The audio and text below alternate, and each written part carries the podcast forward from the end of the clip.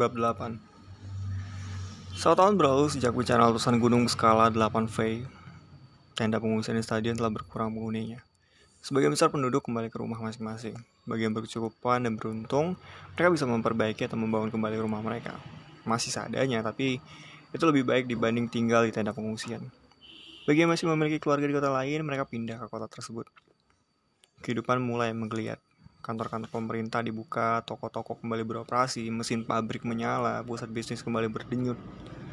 Reruntuhan gedung masih di mana-mana, membaur bersama bangunan baru di kanan kirinya yang bagai jamur tumbuh di musim hujan. Tidak semua beruntung. Toko kue milik ibu esok terpaksa dirobohkan. Bangunannya sudah miring dan retak. Setahun terakhir, ibu esok tinggal di tenda pengungsian. Dia tidak punya tabungan, tidak bisa membangun lagi toko itu. Kondisi ibu esok juga memburuk. Dia sering kali jatuh sakit, tubuhnya kurus, rambutnya beruban, dia menghabiskan waktu dengan duduk melamun di kursi roda. Esok merawat ibunya dengan telaten. Esok tidak lagi bekerja sebagai kurir pengantar pesan. Dia membantu tim teknisi. Semudah itu, bahkan istrinya amat mengagumkan. Lalu sudah duduk di kelas 8, tubuhnya bertambah tinggi 5 cm setahun terakhir. Sekolah tenda tempat ia belajar sudah pindah ke bangunan permainan baru. Sementara esok anak laki-laki yang sekarang berusia 16 tahun itu duduk di kelas 12, loncat kelas. Tahun depan dia akan masuk ke universitas. Hari itu sepulang, sepulang menjemput Lel dari sekolahnya dengan sepeda, mereka duduk menatap kolam air mancur yang sedang dibangun. Mereka menonton truk molen yang menumpang yang menumpahkan adonan semen. Hal konstruksi bekerja juga para tukang yang hilir mudik. Apakah kamu akan ikut ke panti sosial? Lalu bertanya. Esok diam, mendongak. Langit di atas kepala mereka terlihat mendung. Itu topik percakapan mereka sebulan terakhir. Dalam waktu dekat, delapan pusat pengungsian di seluruh kota akan ditutup. Anak-anak yang tidak memiliki keluarga dipindahkan ke panti sosial. Orang dewasa yang tidak punya tempat tinggal dipindahkan ke rumah susun orang tua, penderita sakit menahun, penyandang cacat, dan orang yang tidak punya keluarga akan dibawa ke panti khusus. Pemerintah kota telah membangun fasilitas tersebut setahun terakhir. Sejak sebulan lalu, Esok ingin membicarakan soal itu, tapi dia tidak mau membuat Lel sedih. Esok, Lel menyikut lengan Esok. Esok menoleh. Apakah kamu akan dan ibumu akan ikut ke panti? Lel mengulang pertanyaan. Esok menggeleng perlahan. Cepat atau lambat dia harus memberitahu Leo. Mungkin sekarang saatnya yang tepat. Ketika mereka sedang menonton pembangunan kolam air mancur, landmark penting kota. Aku tidak ikut ke panti sosial. Kenapa? Leo bertanya. Ada keluarga yang bersedia mengangkatku jadi anak asuh, sekaligus menyekolahkanku setinggi mungkin. Suara pelan esok hampir tidak terdengar, kalah oleh suara alat berat yang sedang mengecor kolam air mancur. Oh ya? Lel terlihat riang. Esok mengusap wajahnya, balas menatap wajah Lel, dan mengira Lel akan sedih. Aku senang mendengarnya esok. Tapi itu berarti kita tidak bisa bersama-sama lagi. Lel melan ludah. Itu benar. Jika esok diadopsi oleh keluarga lain, esok akan tinggal di sana, tidak ikut tinggal di panti. Lalu dan esok terdiam satu sama lain. Mereka juga bersedia menampung ibuku. Aku sebenarnya tidak tertarik, lebih suka tinggal di panti. Aku bisa sekolah, bekerja, menjaga ibu bersama kamu. Tapi ibu membutuhkan perawatan serius. Dia terus sakit-sakitan. Tinggal bersama keluarga baru mungkin akan membuat ibu lebih sehat. Esok berusaha menjelaskan. Lalu mengangguk samar. Iya, itu benar. Ibu akan lebih baik di sana. Kamu tidak sedih? Lalu menggeleng. Aku senang mendengarnya. Sungguh, Lel tersenyum. Kapan pun kita bisa bertemu lagi kan? Kota ini tidak sebesar dulu. Esok akhirnya ikut tersenyum. Ternyata ini menjadi percakapan yang mudah. Mereka pulang stadion saat gerimis mulai turun. Esok mengayuh sepedanya dengan cepat, melesat di jalanan aspal, di jok belakang, lalu berpegangan erat. Matanya berair. Sejak tadi dia menahan tangis. Dia berusaha ikut senang mendengar kabar itu. Sudah setahun dia tinggal bersama Esok. Semua penghuni tenda pengungsian bahkan hafal di mana ada esok berarti ada Lel dan sebaliknya. Jika ada Lel berarti ada esok bersamanya. Hujan turun deras. Kel akhirnya menangis tanpa diketahui siapa pun.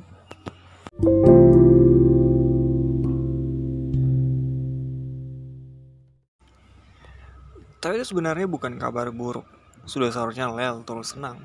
Esok anaknya pintar, keluarga mana pun akan tertarik mengangkatnya menjadi anak asuh. Bahkan kalaupun termasuk mengurus ibunya yang sakit-sakitan di kursi roda. Dua minggu setelah percakapan itu, Esok dan ibunya pindah ke rumah baru. Tidak banyak yang dibawa Esok, hanya tas berisi pakaian dan sepeda merah itu.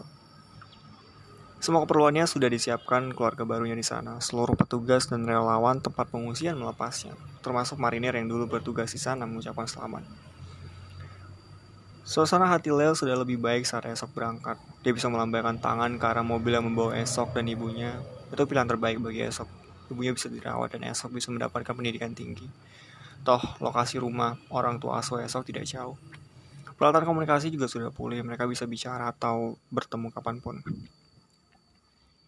Dua minggu kemudian, giliran Lel berkemas-kemas pindah ke panti sosial bersama sisa penghuni. Belasan bus dan truk militer mengangkut penduduk serta barang-barang. Saat bus dan truk itu pergi, resmi sudah delapan tempat pengungsian ditutup. Waktu 13 bulan berlalu tanpa terasa, masa-masa sulit itu telah dilewati. Beberapa penduduk menangis terharu menatap terakhir kali stadion. Besok lusa bangunan stadion itu akan direnovasi kembali megah seperti sedia kala. Juga tempat pengungsian lain. Santori Mall dan Waterboom kembali beroperasi penuh. Penghuni delapan pengungsian dipindahkan ke panti sosial besar yang telah dibangun pemerintah. Letak panti sosial itu tidak jauh dari kolam air mancur. Kota mereka menyusut tinggal 30% dari luas sebelumnya. Bangunan baru dibangun di sekitar Central Park. Lel sudah sering melintasinya saat panti sosial sudah masih masih dibangun. Ada satu gedung tinggi enam lantai berwarna biru, simetris dengan jendela-jendelanya Halaman gedung itu luas dengan rumput terpotong rapi, pohon-pohon palem berbaris. Panti sosial itu terlihat menyenangkan. Beberapa petugas menyambut ramah kedatangan calon penghuninya, mendaftar semua orang, sekaligus mengumumkan lokasi kamar mereka. Gedung itu dilengkapi dengan fasilitas yang baik, jauh lebih memadai dibanding tenda darurat.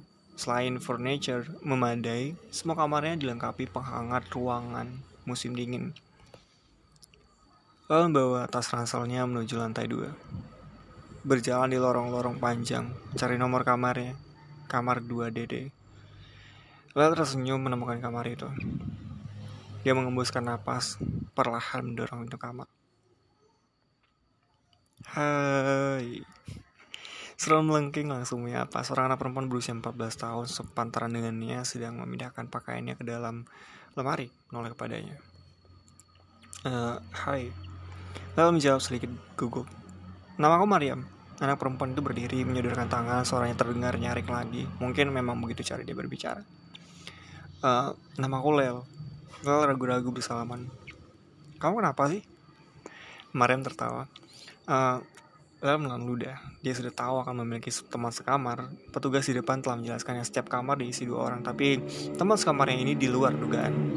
Tubuhnya tinggi dan kurus, rambutnya keribo, wajahnya tirus, jerawatan, dan berkawat gigi. Rambut keribonya sangat lebat, mengembang seperti bola besar. El teringat kejadian setahun lalu saat mereka baru bisa mandi setelah tujuh hari di tempat pengungsian. Foto rambut keribo. Kamu tidak takut bertemu denganku kan? Maria melilik. Tidak, aku aku tidak um, aku hanya kaget. Lel berusaha relax. Oke, okay. Maria melambaikan tangan. Kamu ke tempat tidur yang mana? Di atas atau di bawah? Aku sudah memilih yang bawah sih, tapi kalau kamu mau, aku bisa pindah ke atas. Atau kita bisa tukaran setiap bulan biar adil. Aku di atas saja. Oke. Okay. Mariam telah senang. Kembali memasukkan pakaiannya ke dalam lemari. Ngomong-ngomong, kamu dari tempat pengungsian mana? Aku dari pengungsian nomor 3. Stadion bola, pengungsian nomor 2. Lalu menurunkan tasnya. Stadion bola? Pasti menyenangkan tinggal di sana. Tempatku hanya lapangan tanah luas yang becek setiap hujan, tapi bagus lah. Sekarang kita tinggal di sini. Aku belum pernah tinggal di kamar sebagus ini. Lalu menatap Mariam yang sibuk menyusun pakaian. Di tempat pengungsian, Lel hampir tidak punya teman akrab kecuali esok. Dia mengenal banyak anak-anak di sana, tapi tidak ada yang dekat. Pagi ini dia punya teman sekamar namanya Mariam. Anak perempuan yang selalu semangat dengan suara melengking khasnya. Anak perempuan dengan rambut keribu.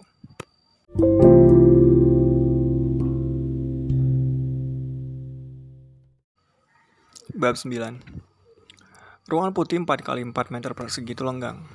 Menyisakan kesimpulan dari bandul logam yang kenakan gadis di atas sofa hijau. Apakah teman kamarmu kutuan? Elia bertanya sambil tersenyum. Garis usia 21 tahun di atas sofa untuk pertama kalinya tersenyum sejak dia mulai bercerita. Kemudian garis itu menggeleng. Mariam tidak kutuan, rambutnya bersih. Elia mengangguk. Memperhatikan layar tabel, tablet setipis kertas HVS di depannya. Sebuah benang berwarna biru muncul mengkapi benang-benang lain di peta saraf hasil pindaian bando. Setiap benang mewakili nama, tempat, kejadian. Setiap warna menunjukkan jenis kenangan itu, memori yang menyenangkan, menyakitkan, atau netral. Saling berkelindi, berkelindan, berpilihan satu sama lain. Ruangan itu adalah ruangan dengan teknologi medis paling mengagumkan sepanjang sejarah manusia. Teknologi itu telah dikembangkan 10 tahun sebelum bencana gunung meletus terhenti dua tahun, kemudian dilanjutkan dengan kemajuan mengagumkan. Sepertinya Maryam adalah teman baik. Elia melihat benang baru yang semakin terang. Garis atas sofa hijau mengangguk. Maryam adalah teman terbaiknya.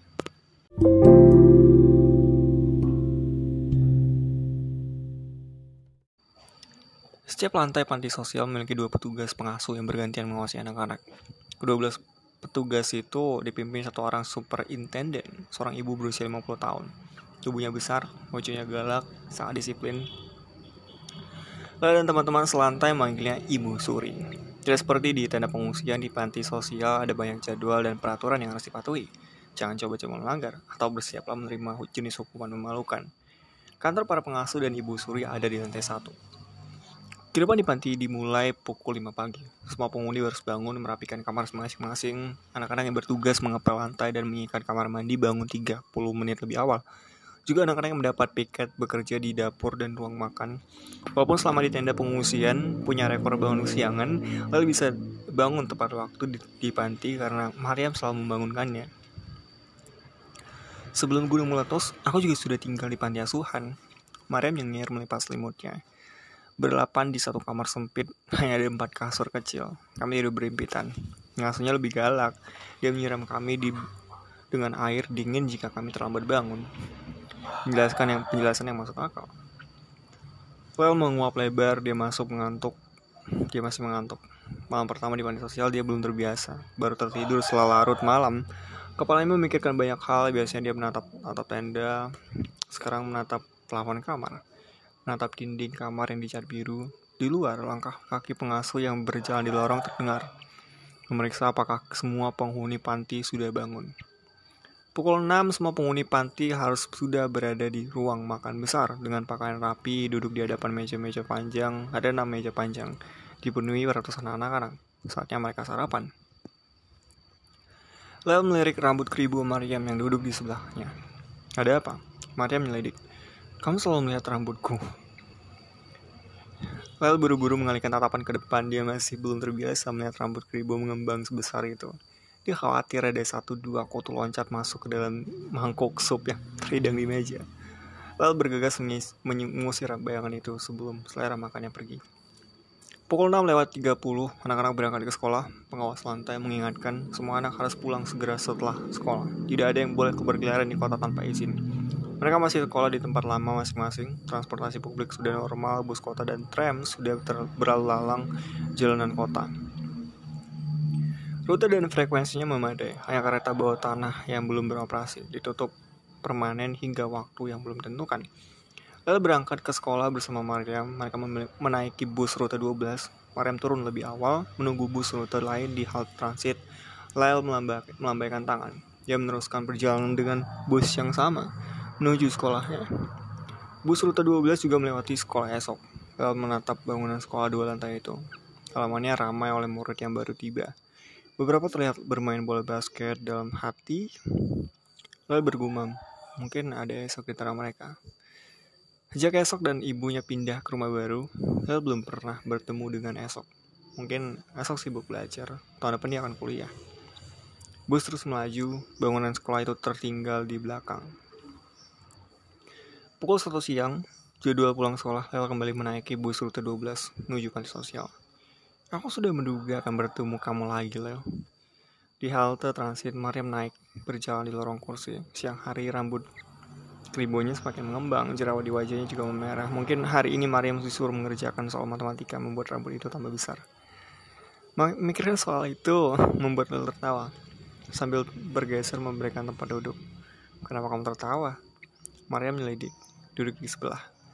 Lalu buru-buru menutup mulutnya. Oh tertawa karena senang melihatku naik. Oke. Maria meletakkan tasnya di kursi. Aku memang punya bakat itu. Bakat apa? Lalu tidak mengerti arah percakapan. Apalagi, bakat selalu membawa kebahagiaan bagi siapa pun yang melihatku. Maria menjawab asal menyadarkan punggungnya ke kursi. Lalu tertawa lagi. Cukup 24 jam bersama Mariam untuk tahu bahwa Mariam anak yang suka bergurau. Bus melintas di depan gedung panti sosial pukul 13.30. Mereka bergegas turun menuju kamar, meletakkan tas, mengganti seragam sekolah. Anak-anak panti sosial ditunggu di ruang makan jadwal makan siang. Anak-anak di panti beker tidak bekerja seperti saat mereka di tenda pengungsian, tapi bukan berarti sisa sore bisa diisi dengan bersantai. Pengasuh tiap lantai menyusun jadwal aktivitas sore yang bisa mereka pilih, mulai dari keterampilan, pengembangan bakat, hingga belajar bercocok tanam, mengutak-atik mesin, bertukang, dan sebagainya. Lalu Maria memiliki aktivitas, memilih aktivitas yang sama, kursus memasak. Mereka tertawa senang saat satu pilihan mereka sama. Aktivitas itu dilakukan hingga menjelang malam. Pukul setelah 6, setengah 6, barulah penghuni panti memiliki waktu luang untuk mandi, beres-beres, dan kegiatan bebas lain di kamar atau ruang bersama. Mereka menunggu jadwal makan malam pukul setengah delapan. Kamu bisa bantu Kulel? Mariam baru kembali dari kamar mandi. Dia mendapatkan antrian paling belakang, jadi baru selesai mandi. Rambutnya basah dililit handuk.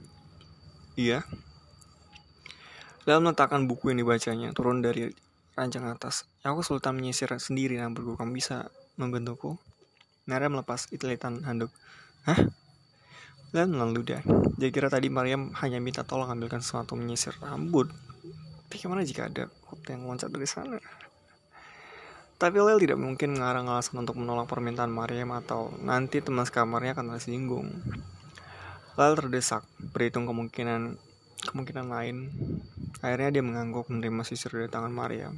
Mariam duduk rileks di kursi, lalu berdiri di belakangnya ragu-ragu mulai menyisir. Saat itulah Lel menyadari sesuatu. Rambut keribu Mariam bersih, terasa lembut di tangan, aroma wangi sampo tercium, alih-alih ada kutu, rambut Mariam terlihat indah selesai disisir. Terima kasih. Mariam tersenyum, rambutnya telah rapi. Balas tersenyum. Dia merasa bersalah. Nah, sepertinya mulai sekarang kamu tidak akan melihat aneh ke rambut keribuku lagi, Lel. Eh? Lel tidak tidak mengerti apa maksudnya. Tentu saja aku tahu apa yang kamu pikirkan sejak pertama kali kita bertemu. Kutu kan?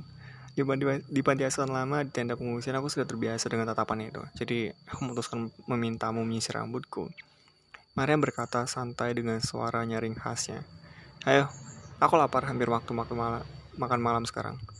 Lel terdiam menatap penggemar yang melintasi pintu kamar. Sejak saat itu, Lel tahu dia punya teman yang baik hati, teman sekamar yang lebih dewasa dibanding usianya yang baru 14 tahun.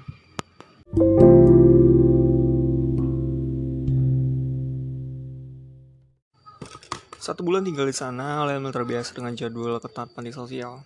Tidak perlu lagi dibangunkan Mariam. Setiap minggu mereka punya waktu satu hari bebas, bertepatan dengan hari libur sekolah. Penghuni panti bisa keluar dari kompleks bangunan, melakukan aktivitas yang disukai. Kamu besok mau mana? Maria bertanya sambil membaca buku. Besok hari bebas mereka. El menggeleng tidak semangat.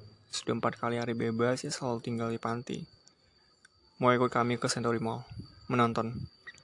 Maria menawarkan. Itu tawaran menarik. Film pertama hasil produksi setelah bencana Gunung Meletus akhirnya dirilis di bioskop. Setelah hanya memutar film-film lama, trailernya ditayangkan berkali-kali televisi ruang bersama Panti Track Land. Terima kasih. Aku di panti saja lah. Oke. Okay. Maria meneruskan membaca. Lalu sedang memikirkan esok. Sudah enam minggu dia tidak bertemu esok. Sejak esok dan ibunya meninggalkan tenda pengungsian menuju rumah orang tua angkatnya, apakah esok sudah melupakannya?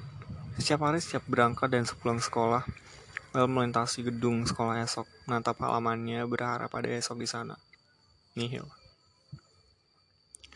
Apakah esok baik-baik saja? Apakah esok juga memikirkannya? Malam itu Lela kembali tidur larut malam, bangun kesiangan. Hari bebas, tidak ada yang akan membangunkannya. Arem seperti sudah pergi, sepertinya sudah pergi bersama teman-teman yang lain. Lalu menengok jam di atas meja, mengeluh. Sudah pukul 9 pagi. Dia beranjak turun dari ranjangnya, masih hand, meraih handuk dan peralatan mandi. Lorong-lorong panti lenggang, anak-anak pergi keluar untuk berkumpul di ruang bersama, bermain bola pingpong, nonton televisi, atau hanya menghabiskan waktu dengan mengobrol. Sarapan di ruang makan sudah tutup satu jam lalu. Tidak, tidak apa, dia tidak lapar. Usai mandi, lalu menghabiskan waktu dengan membaca di kamar. Dua jam, dia mulai bosan. Melirik jam di atas meja pukul 12. Hmm, baiklah. Dia juga malas makan siang dari tadi dia menghabiskan kue-kue kering hasil kursus memasak. Lalu meletakkan bukunya, mungkin dia perlu sekali berjalan-jalan lihat kota. Lalu mengenakan sweater tebal dan shawl, masukkan buku yang dia baca ke dalam tas, Minggu-minggu ini udara terasa menusuk tulang, menyentuh 8 derajat Celcius. Lalu menuruni anak tanggal melintasi halaman rumput panti, naik ke atas bus kota rute 7, menuju tempat favoritnya selama ini, Central Park. Mungkin duduk di sana sambil membaca dan membuat akan membuat merasa bosannya menghilang. Air mancur hampir selesai diperbaiki, bentuknya sudah seperti sedia kala dengan pohon-pohon dan taman bunga, kursi-kursi ditata rapi, hanya airnya saja yang belum dikeluar. Burung-burung merpati hinggap di pelataran, mematuk-matuk makanan yang diberikan pengunjung. Suasananya sudah seperti dulu, saat Lel sering menghabiskan waktu bersama ayah dan ibunya. Siang ini air mancur ramai oleh penduduk. Satu dua orang terlihat berfoto bersama, tertawa, berkejaran, dan bercengkrama. Lalu hanya bertahan 30 menit di sana. Dia tidak merasa nyaman. Dia menatap keramaian dengan sebal. Lihatlah. Seolah hanya dia yang sendirian di air mancur yang lain asik bercakap-cakap dengan taman, dengan teman dan keluarga. Lalu menutup bukunya, memasukkannya ke dalam tas, berjalan kaki cepat menuju halte bus. Lebih baik dia pulang ke panti. 5 menit bus Kota rute 7 merapat, Lel bergegas naik ke, ke atasnya. Dia mendekatkan kartu barcode sensor magnetik. Anak-anak panti memiliki kartu pas untuk memiliki menaiki transportasi umum. Dia mengepaskan badan di kursi dekat jendela, mengembuskan napas kesal. Bus kota berjalan 5 meter ketika sebuah sepeda merapat ke jendela tempat Lel duduk. Terdengar suara ketukan di jendela kaca, lalu menoleh hendak berseru ketus. Siapa pula pengguna sepeda yang nekat bersepeda itu dekat dengan bus untuk kaca pula. Tapi seruan Lel terhenti, matanya menatap. Tidak percaya. Itu esok. Yang tertawa berusaha menyajari bus yang mulai melaju kencang. Lel segera berdiri, senang seperti mengimpi dadanya. Dia berlari kecil di lorong kursi, tiba di bagian depan bus. Stop pak, stop. Lel berseru. Sopir bus Kota menoleh. Duduk nak, kamu tidak boleh berdiri dekat pintu saat bus sedang berjalan. Aku ingin turun. Dia tidak peduli jika penumpang lain sekarang sibuk menonton. Lihatlah, esok tinggal jauh di belakang. Jalan menanjak tajam, sepedanya tidak bisa secepat bus. Kamu bisa turun di halte terdekat, nak. Sopir bus balas berseru. Aku ingin turun sekarang. Bel memaksa. Sambil menggerutu, sopir bus akhirnya mengalah. Dia menghentikan bus membuka pintu otomatis. Lalu bahkan sudah loncat sebelum pintu itu terbuka sempurna. Berteriak, bilang terima kasih. Anak itu, mungkin sedang kebelet ke toilet. Sopir bus melanjutkan busnya kembali. Penumpang mengangguk-angguk, tertawa. Boleh jadi. Dia tidak mendengarkan gerutan sopir. Dia sudah berlari menuju menuruni jalanan. Esok 200 meter darinya mengayu sepeda menaiki tanjakan panjang. Mereka berdua bertemu persis di tengah tanjakan. Mereka tertawa satu sama lain. Napas esok tersengal, tertawa lagi.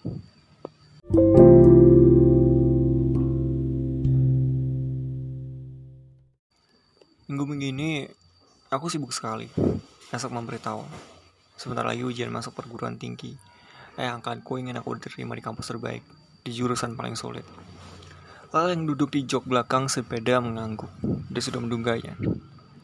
Eh, angkatku menyuruhku belajar setiap hari, bahkan di hari libur pulang dari sekolah langsung belajar juga saat libur sekolah baru siang ini dia mengizinkan aku keluar beberapa jam tadi aku sempat ke panti kamu tidak ada di sana tidak ada yang tahu kamu pergi ke mana lantas aku memikirkan kolam air mancur aku tiba di sana saat kamu bersiap-siap naik ke atas bus mengejar bus itu kamu tidak marahi sopirnya gara-gara berhenti di sembarang tempat bukan Lel tertawa. Dia tidak sempat memperhatikan sopir bus.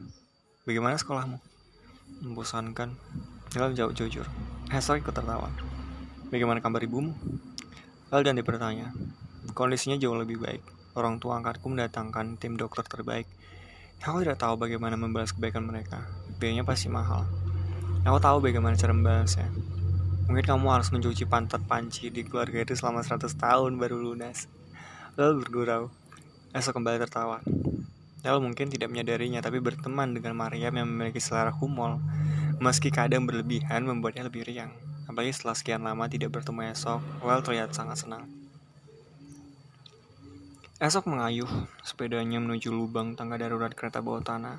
Dulu membujuk Lela agar bergas naik sepeda sebelum hujan asam turun, Esok pernah bilang, dia akan menemani Lela ke sana. Siang itu tujuan pertama mereka adalah lubang tangga darurat itu, tempat mengenang ibu Lel. Juga mengingat tempat laki-laki. Empat kakak laki-laki esok. Tempat itu masih seperti dulu. Lubangnya ditutup dengan papan kayu, diberi tanda berbahaya agar tidak ada yang melintas di atasnya. 15 menit berlalu, Lela dan esok hanya diam menatap dari seberang perempatan jalan. Selepas dari tempat itu, esok membelokkan sepeda menuju runtuhan rumah Leo. Kompleks rumah itu sudah berubah. Ada belasan rumah yang telah dan sedang dibangun kembali. Reruntuhan sudah dibersihkan dari lokasi rumah Leo, menyisakan tanah kosong. Tidak akan ada yang membangun rumah Leo. Kakek neneknya berkerabat dekatnya di kota-kota lain telah meninggal saat bencana gunung meletus. Tanah kosong akan terus Demikian hingga Lel bisa membangun rumah di sana. Mereka juga menuju toko kue milik keluarga Esok. Esok mengayuh sepedanya pelan sambil bercakap-cakap bergurau di atas sepeda. Itu kebersamaan yang sangat menyenangkan. Tiba di area toko kue yang tinggal hanya tanah kosong. Jika sudah sembuh, ibuku ingin membuka kembali toko kue. Esok memberitahu Lel Jalan itu sudah hidup kembali. Sebagian besar toko sudah berdiri. Itu kawasan kuliner terkenal di kota. Beragam jenis makanan yang bisa dijual di sana sebelum gempa bumi. Tapi bukankah ibumu tidak punya tabungan? Orang tua angkatku bersedia membangun kembali ke toko kue dengan memberikan modal. Kamu benar esok. Mereka baik sekali. Kali ini Lel tidak menanggapinya dengan bergurau. Ya, tapi tidak sekarang. Mungkin 2-3 tahun lagi hingga ibuku benar-benar sembuh. 15 menit mengunjungi area toko kue. Mereka kembali naik sepeda menuju tempat terakhir, kolam air mancur, landmark terkenal kota. Mereka duduk menatap keramaian bercakap-cakap, menghabiskan segelas coklat panas yang dijual kotak mesin minuman. Lalu bercerita tentang panti, kesibukannya, pengasuhnya, ibu suri teman-temannya, terutama tentang Mariam, rambut ribu mengembang yang tidak kutuan.